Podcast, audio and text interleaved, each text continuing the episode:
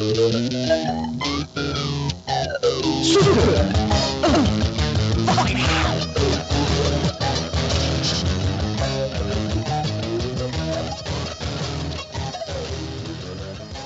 var den. Der var den.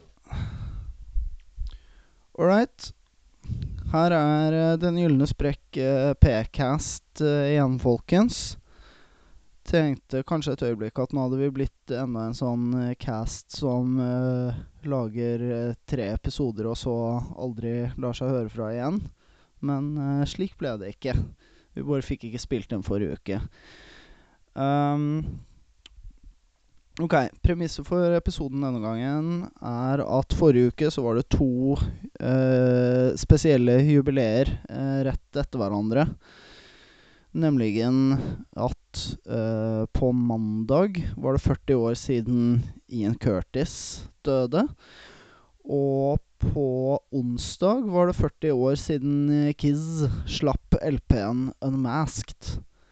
Og det jeg syntes det var et veldig compelling sammentreff. Uh, jeg, jeg hadde jo i utgangspunktet tenkt liksom bare en unmasked episode, men uh, Så det var liksom såpass interessant at jeg følte det var verdt å diskutere Går det an å linke disse to tingene sammen med noe annet enn bare datoen? Det var det jeg skulle spør spørre deg om. Om du tenkte at vi skulle diskutere dette på tvers eller hver for seg? Eh, jeg tenkte litt begge deler. Litt fram og tilbake, egentlig. Altså, litt, jeg, jeg tenker litt sånn samme greia som uh, i uh, episoden med Viviana. At vi har to ting som vi hopper litt fram og tilbake mellom, og prøver å linke etter beste evne. Ja. Så jeg tenker kanskje vi skal begynne med mm, vi kan begynne med å kanskje avklare litt forholdene våre til uh, disse tingene. Uh, hva, hva, slags forhold har vi til uh, gruppen Joy Division, og hva slags forhold har vi til LP-en Unmasked? Det er veldig sprekkete da å ha, ha, dette i samme episode. Ja, ikke sant?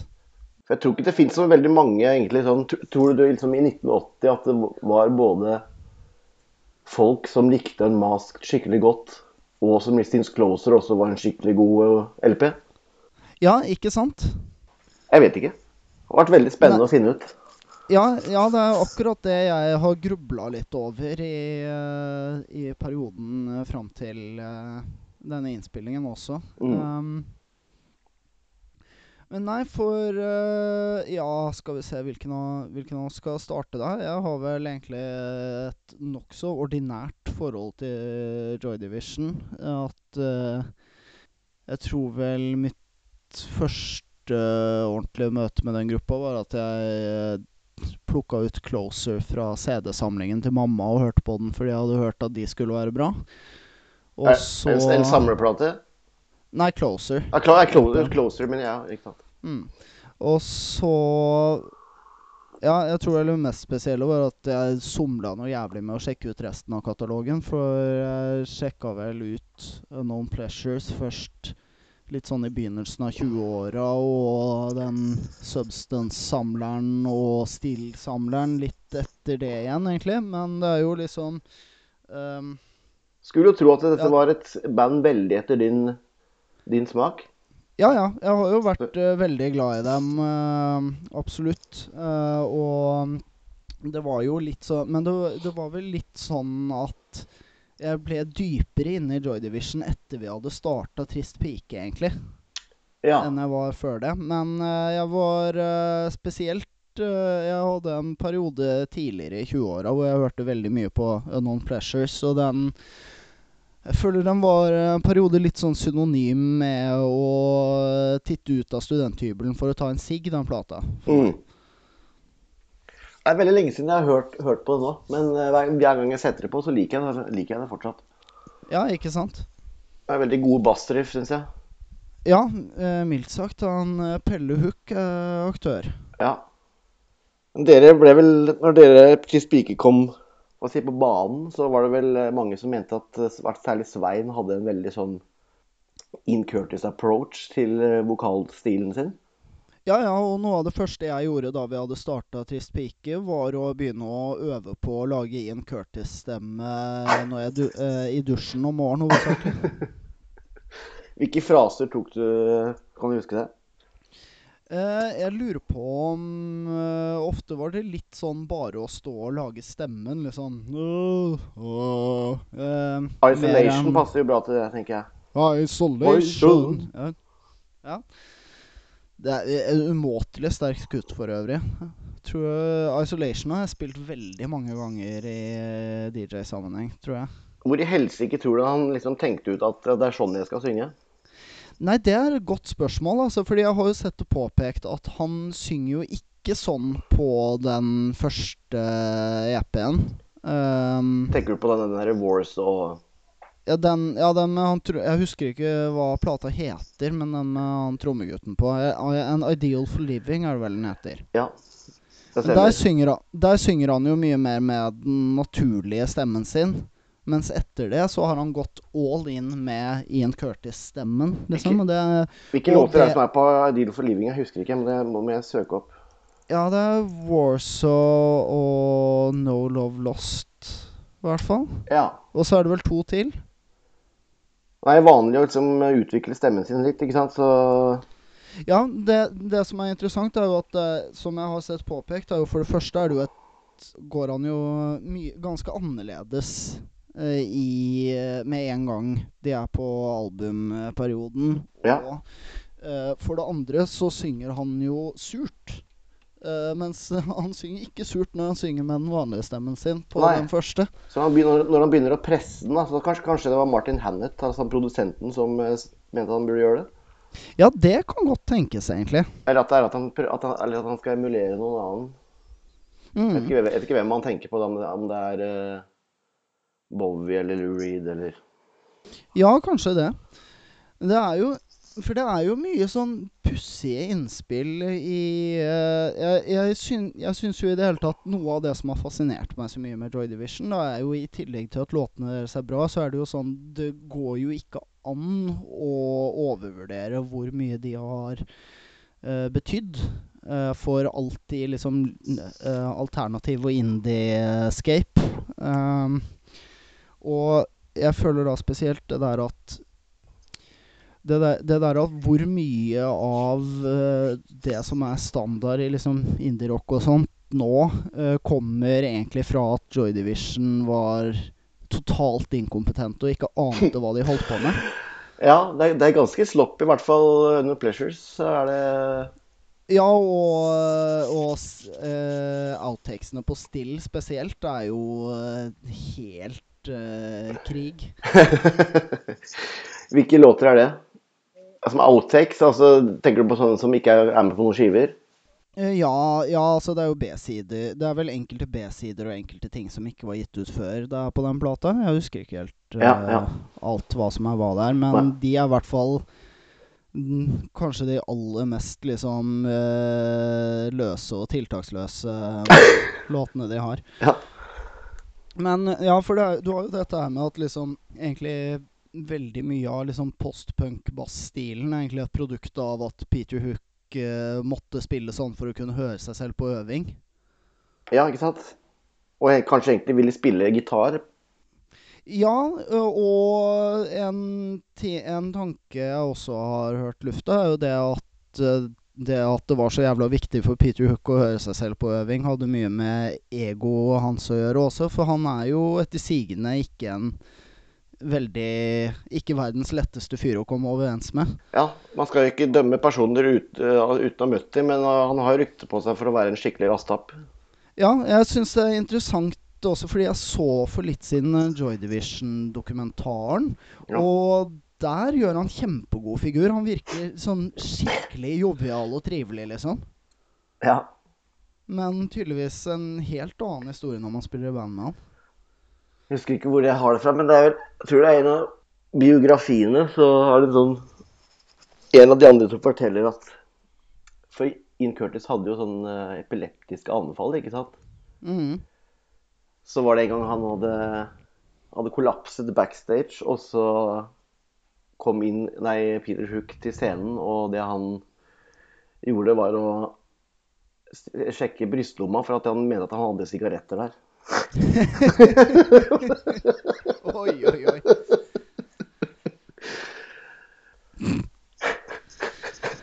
Men ehm, Ja.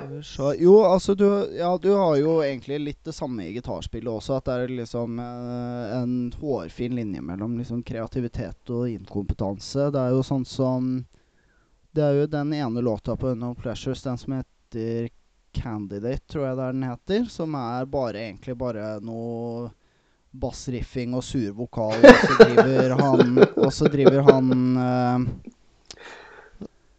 Fuck, nå blanker jeg helt på hva gitaristen heter. Bur- eh, Bernard jo, Sumner. Bernard Sumner. Uh, han, eh, han driver og liksom bare lager noen sånne lyder, og de lydene låter jo som en liksom eh, eh, primitiv forgjenger til My Bloody Valentine, liksom. ja. Så det, det er litt interessant, syns jeg. Du har en sånn låt med sånn ridderrytme der også, som er nesten litt sånn Iron Maiden-aktig.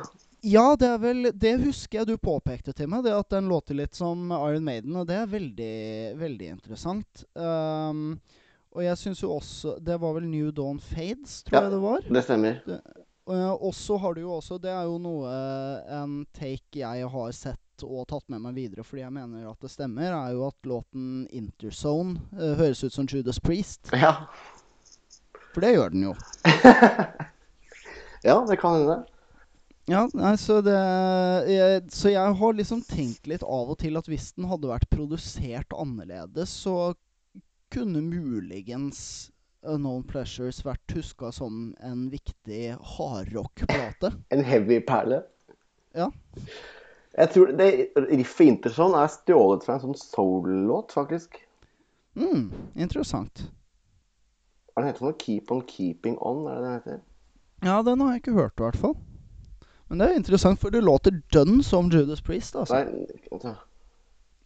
Mm. Keep, keep on keeping on, det er en Curtis Mayfield-låt, det er ikke det, det er en annen en. Mm. Men den, jeg har hørt den, og den har den er det riffet, liksom. Mm. Um, men ja, skal vi se Apropos Jeg vet ikke, apropos både uh, hardrock og uh, fors for forskjellen produksjon kan utgjøre. Kanskje det er et, en bra Segway til å ta uh, Gå over på en mask til et øyeblikk? Kan, ja. Nå er jo en, en, en mask ikke, så ha, hardrockete i Den er vel mer i et sånn poplandskap. Ja. Uh, og det har vel eh, Ja, det har vel både med produksjon og låtskriving å gjøre, det. Eh, men uh, skal vi se, redegjør kjapt for ditt eh, forhold til Unmasked. Kan du det? Jeg kan prøve Jeg, tror Før jeg hørte Unmasked, så hadde jeg hørt altså Kiss første. Hmm. Og Dress to Kill, Rock and Roll Over og muligens så hadde jeg også do dobbel platinum da. Mm. For på den tiden så måtte man låne liksom Det var liksom tilfeldig hvilke skiver man kom over. ikke sant? Man lånte, Jeg lånte kassetter og sånn, så, men så var det kom, var noen som hadde en, en master på kassett. Ja, ikke sant? Fordi for, ja, for meg også var det et visst sånn Jeg er jo såpass gammel at det fortsatt Eller det, det har litt med alder og litt med at jeg eh, litt sånn prinsipielt ikke drev og lasta ned ting eh, ganske mye av tenårene. Men så hvilke plater jeg hadde hørt av artister, var litt sånn diktert av hva foreldrene mine hadde Ja. hva jeg prioriterte å bruke ukepengene mine på, og ikke minst hva de hadde på CD på biblioteket i Asker. ja. Altså det er litt samme, samme stil, da. Jeg husker, men jeg husker når jeg hørte den, så var det så var det noe nytt på, i Kiss-verdenen. Sånn, eh, særlig med den åpningslåten, eller de to første låtene, så ble det sånn Det var uhørt for min del. Ja, ikke sant? For den er jo nokså forskjellig fra de du nevnte du har hørt, og Ja, eh, nokså puzzling hvis man ikke har hørt Dynasty først. Jeg hadde ikke hørt Dynasty, Nei, ikke sant? så bare det refrenget eller det pre, hva skal jeg si, prekoruset eller brua på den der åpningslåten i Statue var veldig veldig nytt. Ja, ja. You always get the boys you like. Det? Ja. ja. Mm. Um, en, ja, nei, for uh, Men du Men ja, så du har hatt et forhold til en mask fra uh, tidlig alder, i hvert fall. ja. Ja, for jeg, jeg hørte Unmasked første gang i fjor eller forrige fjor, tror jeg. ja. Yes. For um, uh, det var vel i Ja, den var Første lytt var nokså friskt i minne da vi hadde Kisspub eh, i eh, mai, var det vel, i fjor. Altså den første Kiss-puben, Dynasty-festen. Mm. Ja. For jeg husker jo jeg hadde liksom hørt akkurat nok på en mask til å kunne mase på eh, Chris Doll, som DJ-et den kvelden, om å spille She's So European. Ja, gjorde han det? Ja. Han gjorde det, ja. ja for han tok, han Ja. tok med Unmasked, ja, selv om den kom etter, for han følte at den pass, Det er jo riktig, den passer jo inn i i den tiden. Ja, ja, han spilte, han spilte mye fra Unmasked, husker jeg, i, i settet sitt. Og det var litt sånn Jeg merka jeg likte de låtene bedre da i den, i den settingen, egentlig. Ja. Um, Han er vel også fra den generasjonen som oppdaget Kiss med Unmasked, for det tror jeg det gjelder ganske mange, i- og særlig våre venner i, i Kiss Army og sånn, da, som sikkert er født seint 60- eller tidlig 70-tallet, ikke sant. Så var de sånn sju-åtte år når den kom. Mm. Ja, ikke sant? For jeg tror ehm, Jeg er jo også Min far, han er jo født i 67, tror jeg. For jeg minnes jo det at ehm, eh, pappa hadde jo noen plater, men ikke noen platespiller, så vi hørte bare på musikk på CD. Men jeg bladde litt i platene han hadde, og han hadde bl.a. Unmasked, så jeg som liten og fersk Kiss-entusiast. Jeg syntes coveret var veldig compelling, men jeg hørte den ikke før lenge, lenge senere. Som var litt fordi jeg hadde hørt at den skulle være dårlig, da. Å ja. Fra han, eller? Eh, nei, ikke direkte, egentlig. Mer sånn når jeg leste liksom anmeldelser og guides til katalogen og sånt på Å ja. internett. Ja, det er liksom delte, delte meninger om det albumet. For mange har et veldig sånn personlig, eller no, litt nostalgisk forhold, ikke sant? Fordi, Mm. Men ja, nei, så jeg endte ikke opp med å høre ordentlig på den før uh, i fjor, tror jeg, altså. Um, men uh, pappa, han sa jo at um, Han følte de liksom hadde falt litt av da den kom, da. For han begynte vel å høre på dem da Destroyer var ny, tror jeg. Da han var sånn ti år gammel, kanskje. ja. 76. Mm. Mm. Noe sånt. Uh, ja, jeg, jeg er ikke helt sikker, men jeg tror, jeg tror vel Destroyer var relativt fersk, og at det var den første han hørte, liksom. Og så var det liksom Ja, så gikk det liksom litt eh, i dos med Unmasked, og det er jo Jeg syns jo uh, Ja, man kan jo si mye rart om Unmasked, men den er jo i hvert fall et vendepunkt for Kids.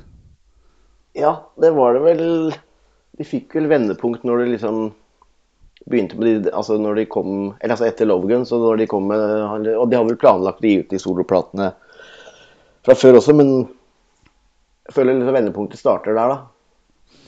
Ja. Og Eh, med den derre Strutter 78-versjonen på Double Platinum som, hvor de har liksom kjørt inn sånn 16-deler på hi-hat for å få den litt sånn disko Ja, ikke sant?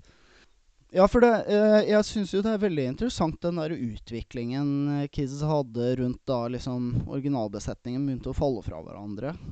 Og jeg tror jo det er et visst sånn Jeg tror vel det er litt sånn bare sånn At det gikk sånn det måtte gå, men at det har, det har vel litt med liksom at det å gi ut de fire soloplatene og en film liksom var litt sånn Ikke minst den filmen, ja. ja, ikke sant? At det var en sånn eh, eh, en, en gest som var mindre sånn gi eh, kulturell dominans, og mer sånn bare gjøre at folk blir lei av eh, kids.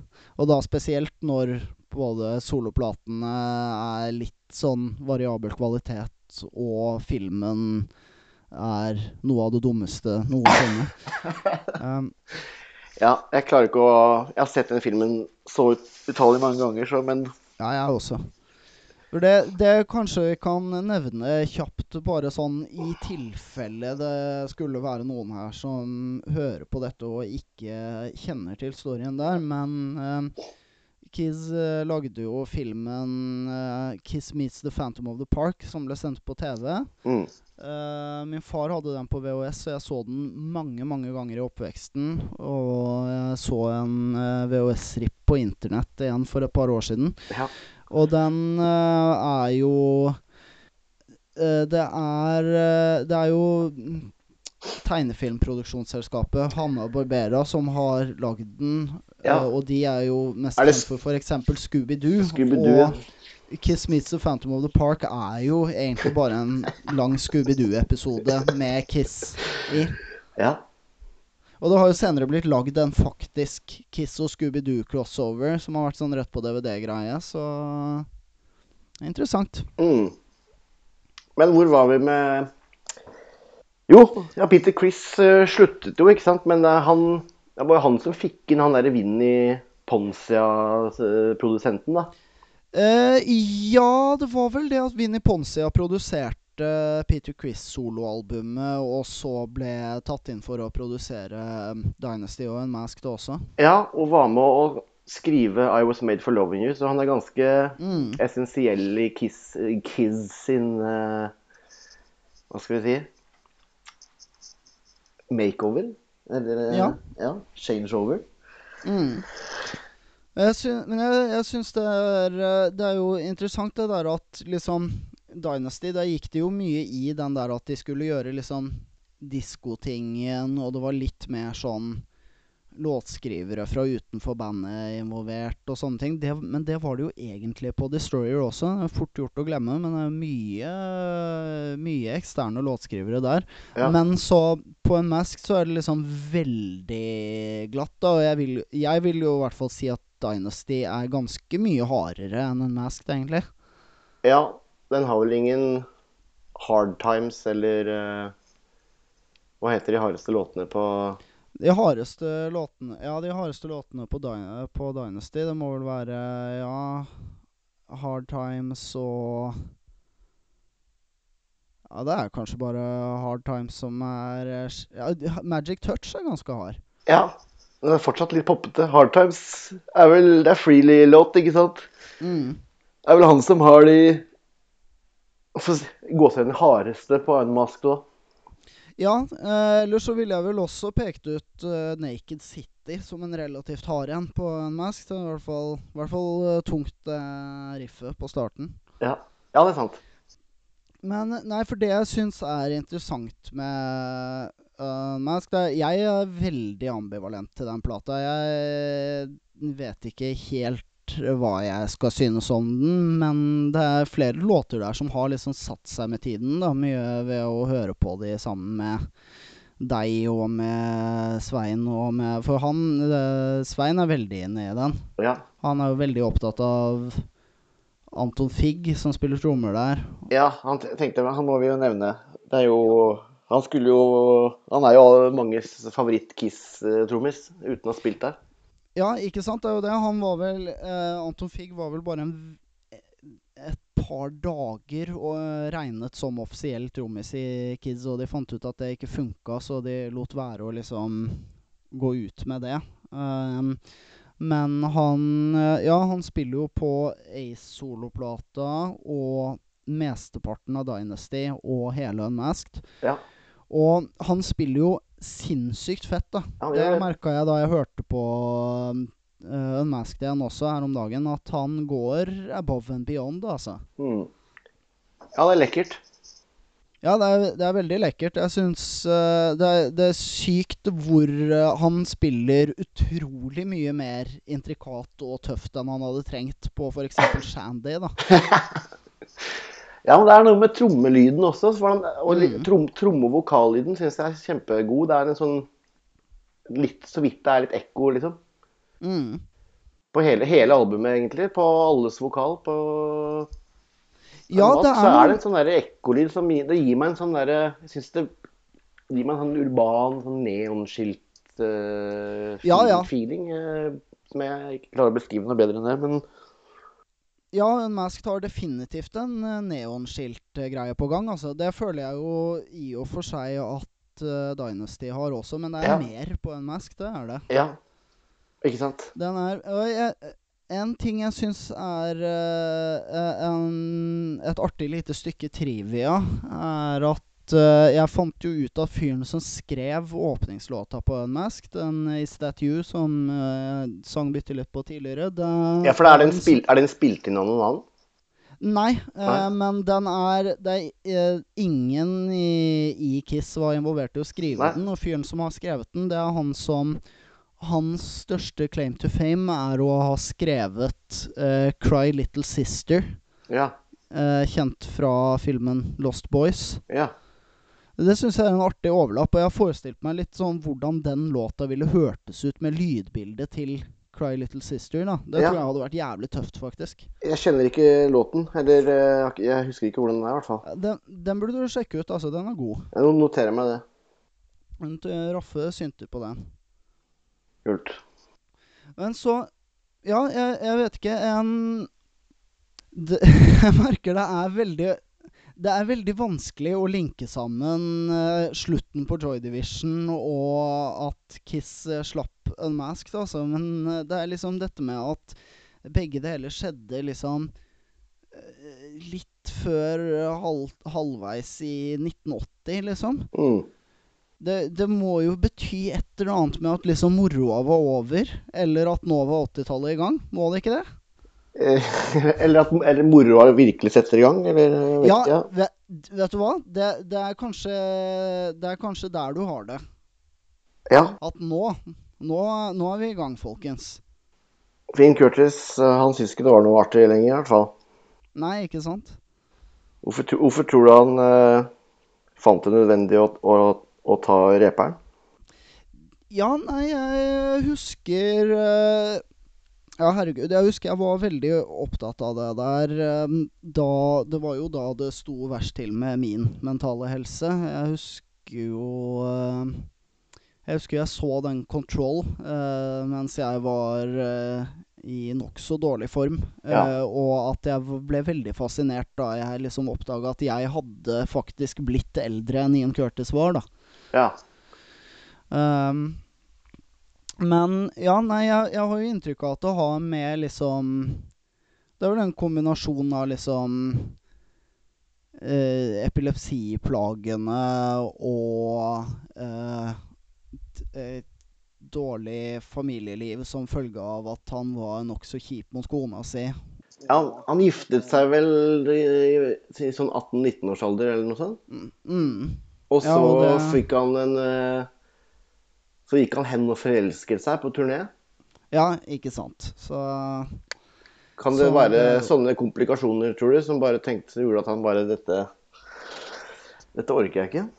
Jeg tipper absolutt det bidro, altså. At når man liksom har gifta seg altfor ung, og så ramponerer ekteskapet sitt med dårlige Dårlige beslutninger, så så tror jeg det Jeg tror det er en bidragende faktor, i hvert fall. Og jeg vet ikke, kanskje det var et sånn For de hadde jo nettopp liksom hatt det der store gjennombruddet med Lowell Tears Apart også. Jeg lurer på om det kanskje kan være et sånn element av liksom frykt for suksess også, da.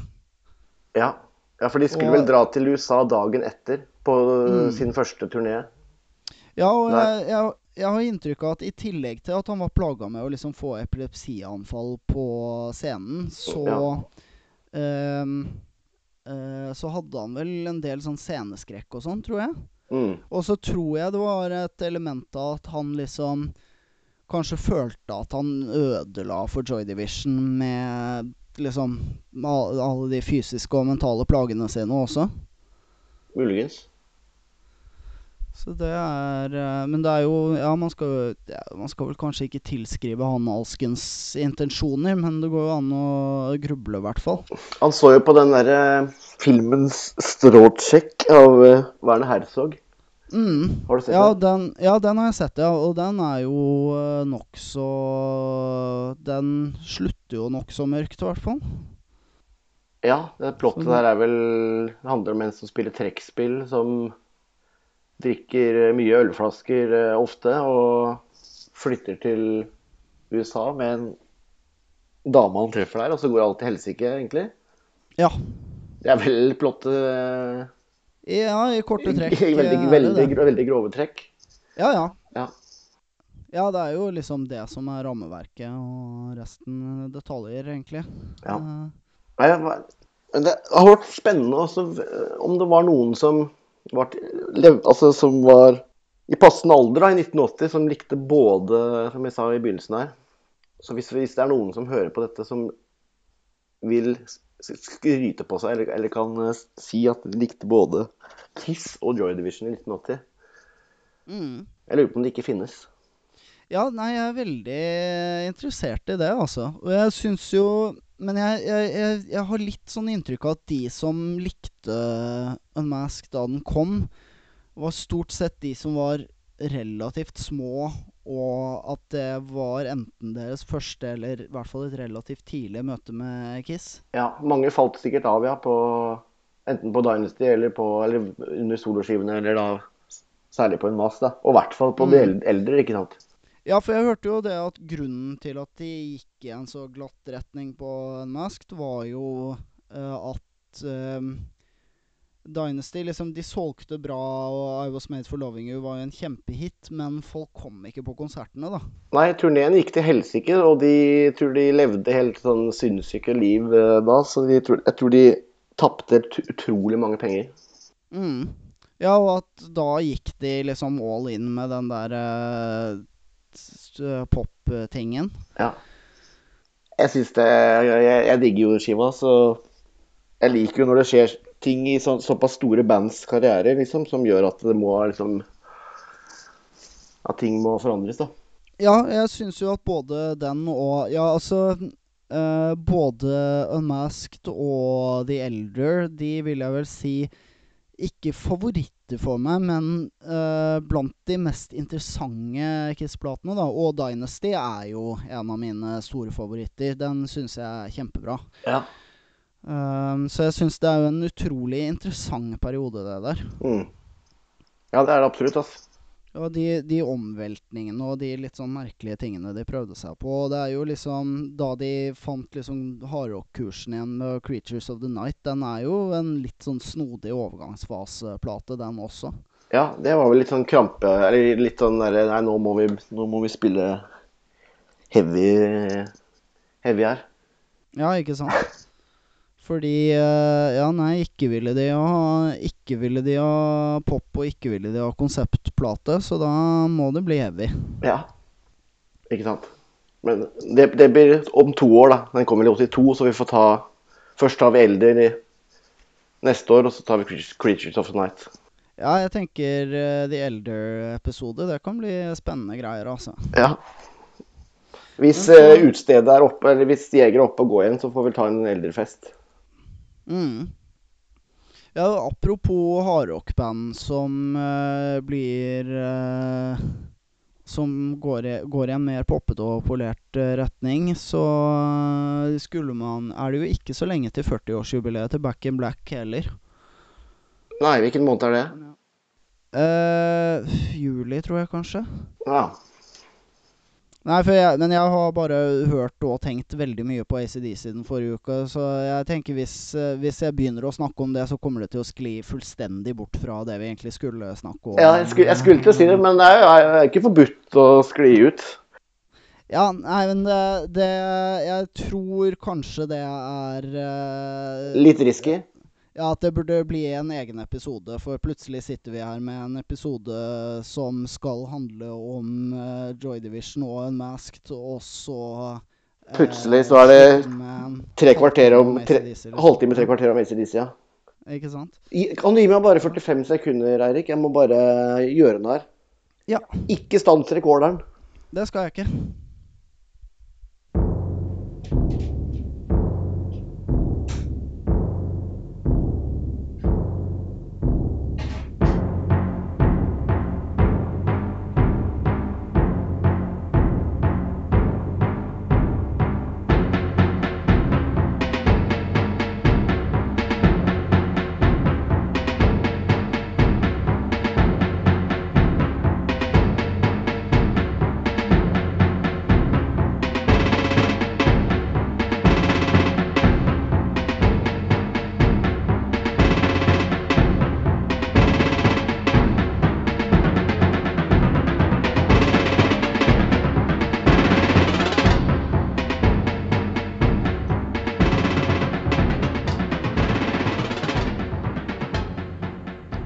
Yes. Yes. Bare begynt dagen med fire kopper kaffe, så da Da må man eh, på dosen. Ja, lekkert. Jeg har eh, bare tatt én så langt sjæl. Men jeg kom på noe. Det, det ga meg faktisk et øyeblikk til å tenke, så eh, Ja. Vi var inne på Joy Division. Utrolig innflytelsesrikt band. Mm. Men hva med Unmasked? Som innflytelse, liksom? Ja, mange har den nært og kjært, men har den etterlatt noe særlig til eh, fotspor, sånn sett? Ja, det kan du si. Det er vel ikke den Hvis band Altså den skiva altså hvis, hvis band skal dra frem Kiss som en inspirasjonskilde, så er det kanskje ikke soundet på den skiva de vil ta frem. Nei. Uh... Eller, eller låtene eller, låten eller soundet, liksom. Nei. ehm, jeg har jo en sånn Jeg har en sånn tanke om at jeg Jeg, jeg ville ikke vært overrasket om Ariel Pink har hørt litt på Mask, da. Nei. Men jeg vet ikke. Jeg har aldri sett han si noe om Kiss noe sted. Men det er en litt sånn spekulasjon jeg har gjort, fordi det er den derre litt sånn Litt sånn blandingen av liksom veldig sånn polert produksjon og liksom proffe poplåtskrivere, pluss den der litt sånn et hardrockband i en litt sånn desperat situasjon. Da. At jeg føler at det er både, både et scenario og et lydbilde og en låtskrivingsstil eh, som kunne vært appellerende til han. Ja. Har du prøvd å google Arild Pink og Unmasked? Nei, Eller vet du hva? Kiss? Jeg har, jeg har faktisk ikke det. Jeg bare, men jeg, har liksom, jeg føler liksom jeg har lest såpass mye intervjuer at, eh, og sånt at hvis han hadde sagt noe om den, så tror jeg han Så tror jeg jeg ville fått det med meg, da. Men det, det blir liksom med bare spekulasjon. Ja. Så, jeg- og jeg, jeg syns jo også bare sånn eh, Apropos, da, at det er jo um, jeg syns vokalen til Ace på de låtene han har skrevet og synger på den plata, de har jo litt sånn De har en litt sånn outsider-ting over seg. Litt sånn Fordi han Ace har jo en veldig spesiell vokalstil og en veldig spesiell låtskriverstil, og eh, jeg jeg, En beskrivelse jeg har tenkt mye på som jeg føler at stemmer, er at eh, Ace høres liksom alltid ut som han er på nippet til å synge falskt, men så treffer han tonen. Ja. Og han, han, har mye, han har mye tud også, da. Jeg føler på Unmasked så tipper det over i en sånn nesten en litt sånn Wesley Willis-ting, liksom.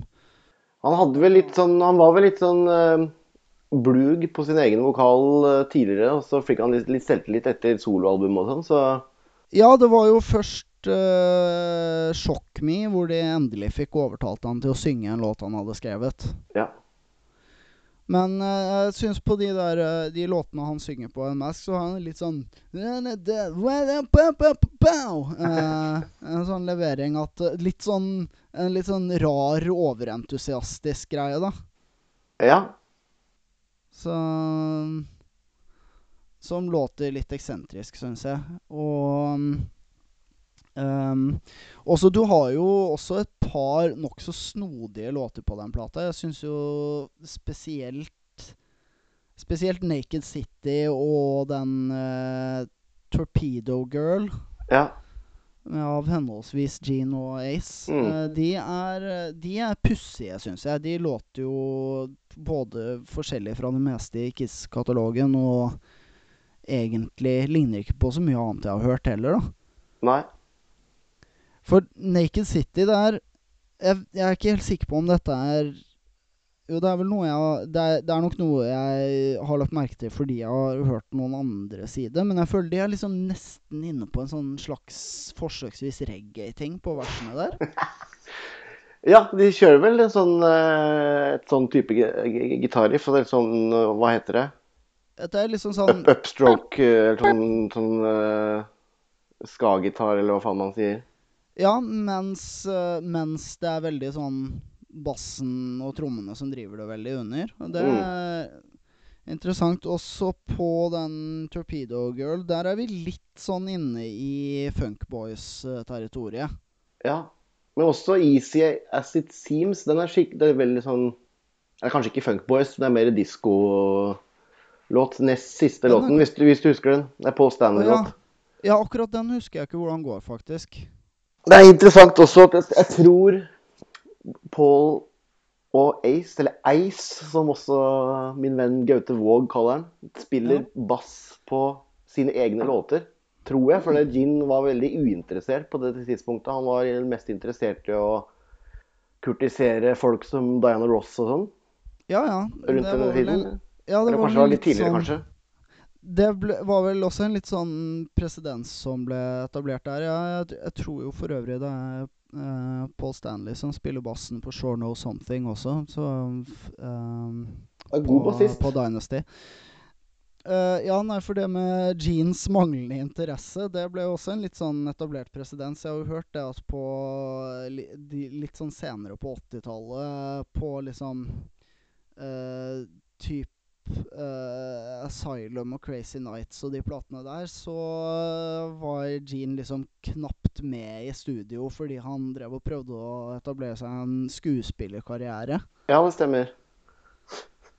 Jeg har ikke sett noen av de filmene, men Nei, ikke jeg heller. skuespill og kop kopulering. Ja ja, mye Det er jo en gjenganger i hele karrieren hans, det. Ja. Men så Herregud, jeg merker jeg, jeg, jeg merker det er Det er liksom eh, Jeg, jeg syns det er en veldig artig idé å skulle snakke om slutten på Joy Division og eh, den merkelige overgangsperioden til Kiss på en gang, men det er nokså vanskelig å linke dem sammen, altså. Ja, men vi har jo vi har vi har, ja, vi har, ja, vi har kanskje ikke fått linket dem på noe som helst måte, men eh, Nei, det nærmeste vi har kommet, er at uh, det kanskje var et sånn punkt en, Et sånn punkt der 70-tallet vippa over i 80-tallet, da.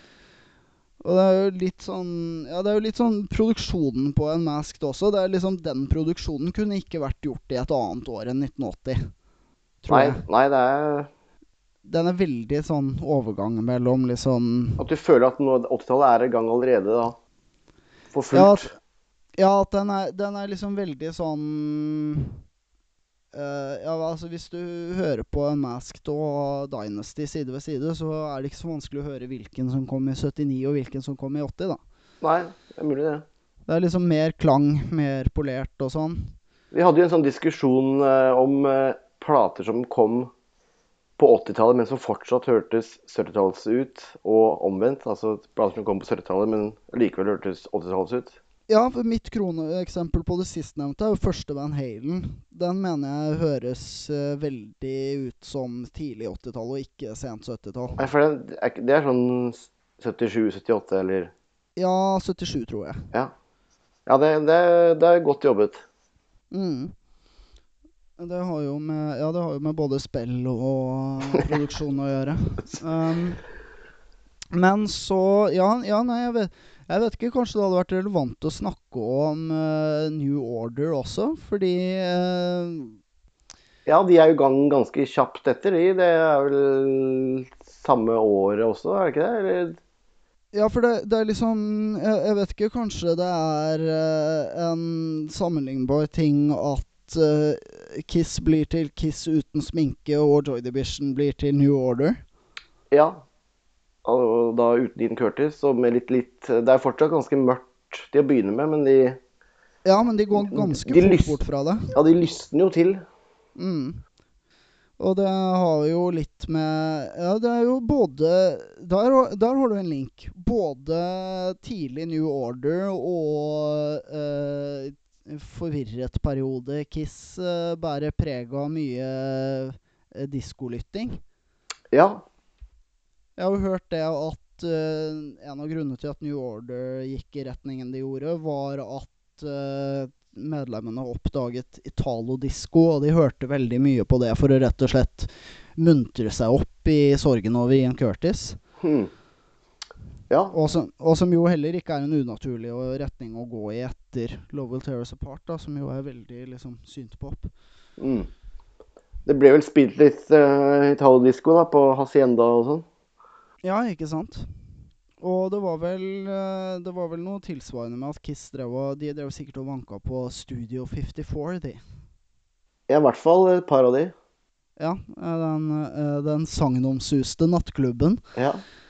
Uh, ja, for jeg har jo hørt en story om at uh, liksom um, uh, Bakgrunnen for I Was Made for Loving You var at Paul Stanley liksom hadde vært på klubb og hørt disko og tenkt eh, Ja, dette høres jo lett ut. ja. Så gikk han hjem, eh, og jeg har hørt det også, så satt han trommaskinen på hvilken BPM?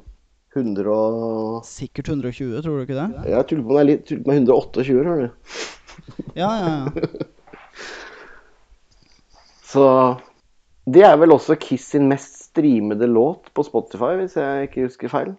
Ja, det, jeg syns det er interessant det der med hvor, hvor mye den er forbundet med Kiss, men hvor eh, lite representativ den er, da. For den låter jo nokså forskjellig fra det meste i Kiss-katalogen ennå. Den låter jo til og med egentlig ganske forskjellig fra Dynasty, men det er jo en ganske variert plate, siden alle i bandet og enkelte eksterne låtskrivere er ganske involvert, da. Ja. Men det er jo i det hele tatt eh, en, en greie, det at Uh, Ja, det, dette er også kanskje et, uh, et tema Det er også et tema jeg kan utbrodere i all evighet omtrent. Men jeg mener jo at Destroyer, som jo av mange regnes som den beste og vel mest populære Kiss-plata uh, Jeg mener jo at den er mer en Bob Ezrin-plate enn en Kiss-plate. ja, for det er så mye sånn Altså at den er så produsert. Ja, jeg syns både produksjonen og låtskrivingen bærer veldig preg av at det er han som er primus motor, da. Ja. ja, for da har de sånn Hva heter den? Great Expectations og Ja, ikke sant? Men også, også liksom de liksom øh, Alltid liksom populære der, sånn Detroit Rock City og øh, øh, Shout It Out Loud Loud og alt mulig. Det er liksom Hvis du sammenligner det med uh, de andre Kiss-platene hvor det ikke er en stjerneprodusent og de øh, skriver mer selv, så låter det nokså annerledes sånn rent låtskrivingsmessig også, altså. Ja. Jo, sant. Men så er det rart for at mange har den som favoritt, egentlig. Ja, ikke sant? Best også er på Ja. den. Ja, ikke sant? Ikke sant? Mm. Så den, den låter liksom mindre som Kiss enn eh, de andre tingene i, i den perioden, føler jeg. Er det Estrin de har Er han tilbake på eldre, eller Skal jeg Ja. ja han er det, ikke sant? For, at, ja, Mm. for da skal de prøve å lage The Wall. Ja, ikke sant? Og Estrin har vel sjøl sagt at Uh, eh, The Elder uh, bærer nokså preg av at han var dypt inne i colakjøret på det tidspunktet. Ja. Og det kan man jo høre. ja. Det kan jo slå alle mulige veier, det. Ja, ikke sant? Men det er jo liksom Jeg syns jo, jeg syns jo at Unmasked og spesielt Dynasty låter jo også veldig som colamusikk, egentlig. Og det til tross for at ingen i bandet var eh, Eller jo, Ace og, Ace og Peter var jo det, men det var jo ikke de som var drivkraften sånn sett, da. Nei, de var jo liksom Vi likte jo ikke det der opplegget der overhodet. Altså de, de, den retningen. Ja, ikke sant? De hatet det jo virkelig, liksom. Ja, mens avholdsmennene Paul Stanley og Gene Simmons, det er de som står for det som låter veldig Paul Stanley var vel ikke avholds? Eh, nei, men jeg tror han bare eh, tok glass. Jeg tror han eh, alltid jeg, jeg tror i den grad han har vært på noe rusmidler, har det kun vært uh, drikka, altså. Kan hende han sneik til seg en på en kveld på Studio 54, men det, blir bare, Ja, det er det er bare spekulasjoner. Ja, ikke sant? Det er nesten vanskelig å unngå i det koket der. ja, det Ja, ikke sant.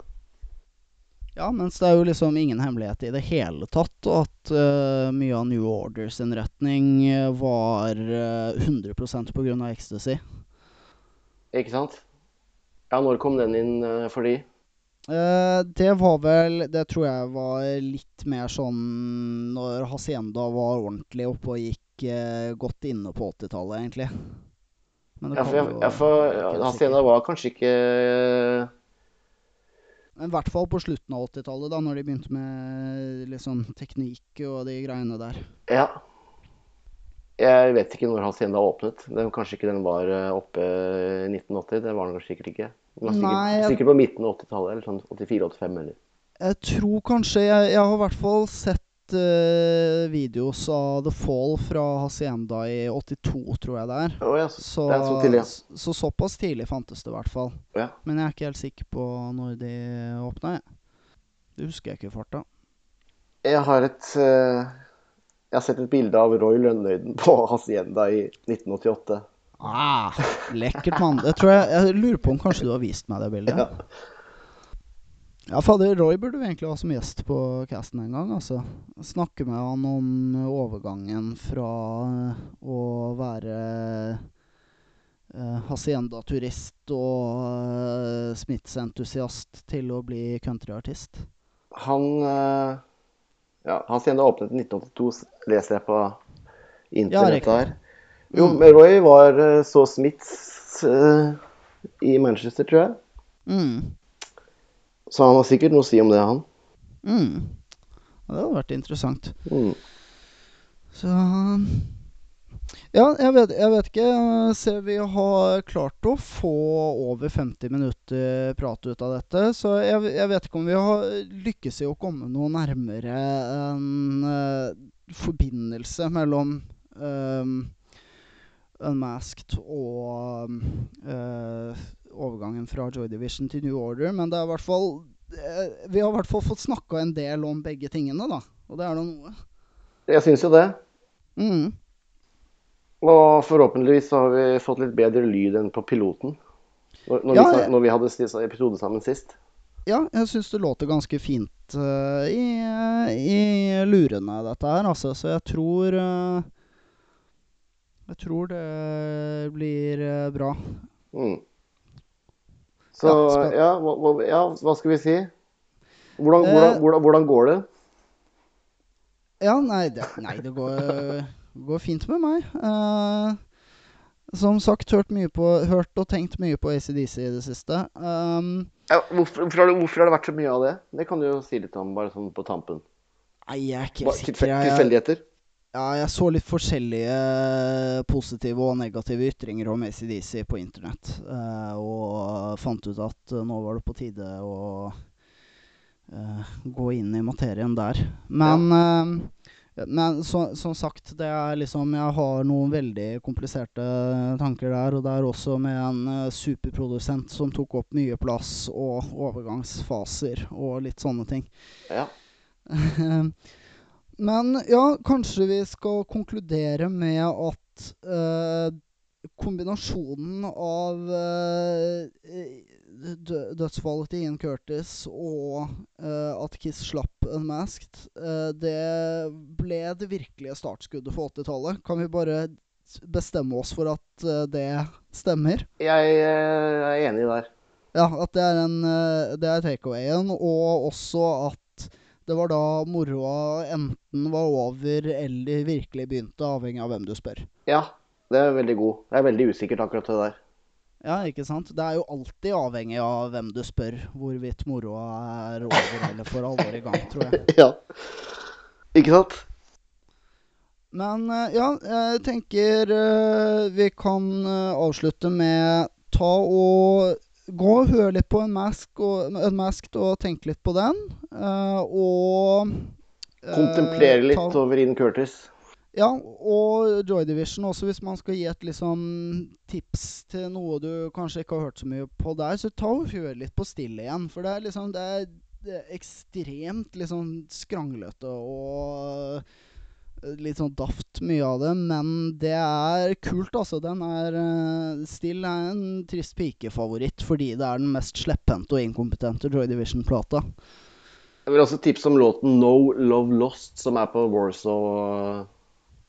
i Ja, den, den er kjempetøff. Det er litt sånn inne på Funk Boys. Ja. Jeg kunne også tenkt meg å lage en episode, egentlig. Et uh, dypdykk i Funk Boys. ja. Da får vi med Jørgen. Ja, det måtte vel nesten blitt oss og Jørgen og kanskje en gjest. Vi, vi får se. Det er um, Det blir plenty tid til p-casting fremover, tipper jeg. Topp, topp. Ja. Husk å lagre filen og ikke slette den. Ja, det skal jeg. Yes. Yes. Da Vi snakkes, sier vi folkens. vi snakkes. Ha det bra. Adios. You hoes know how I think, what I'm about, and how I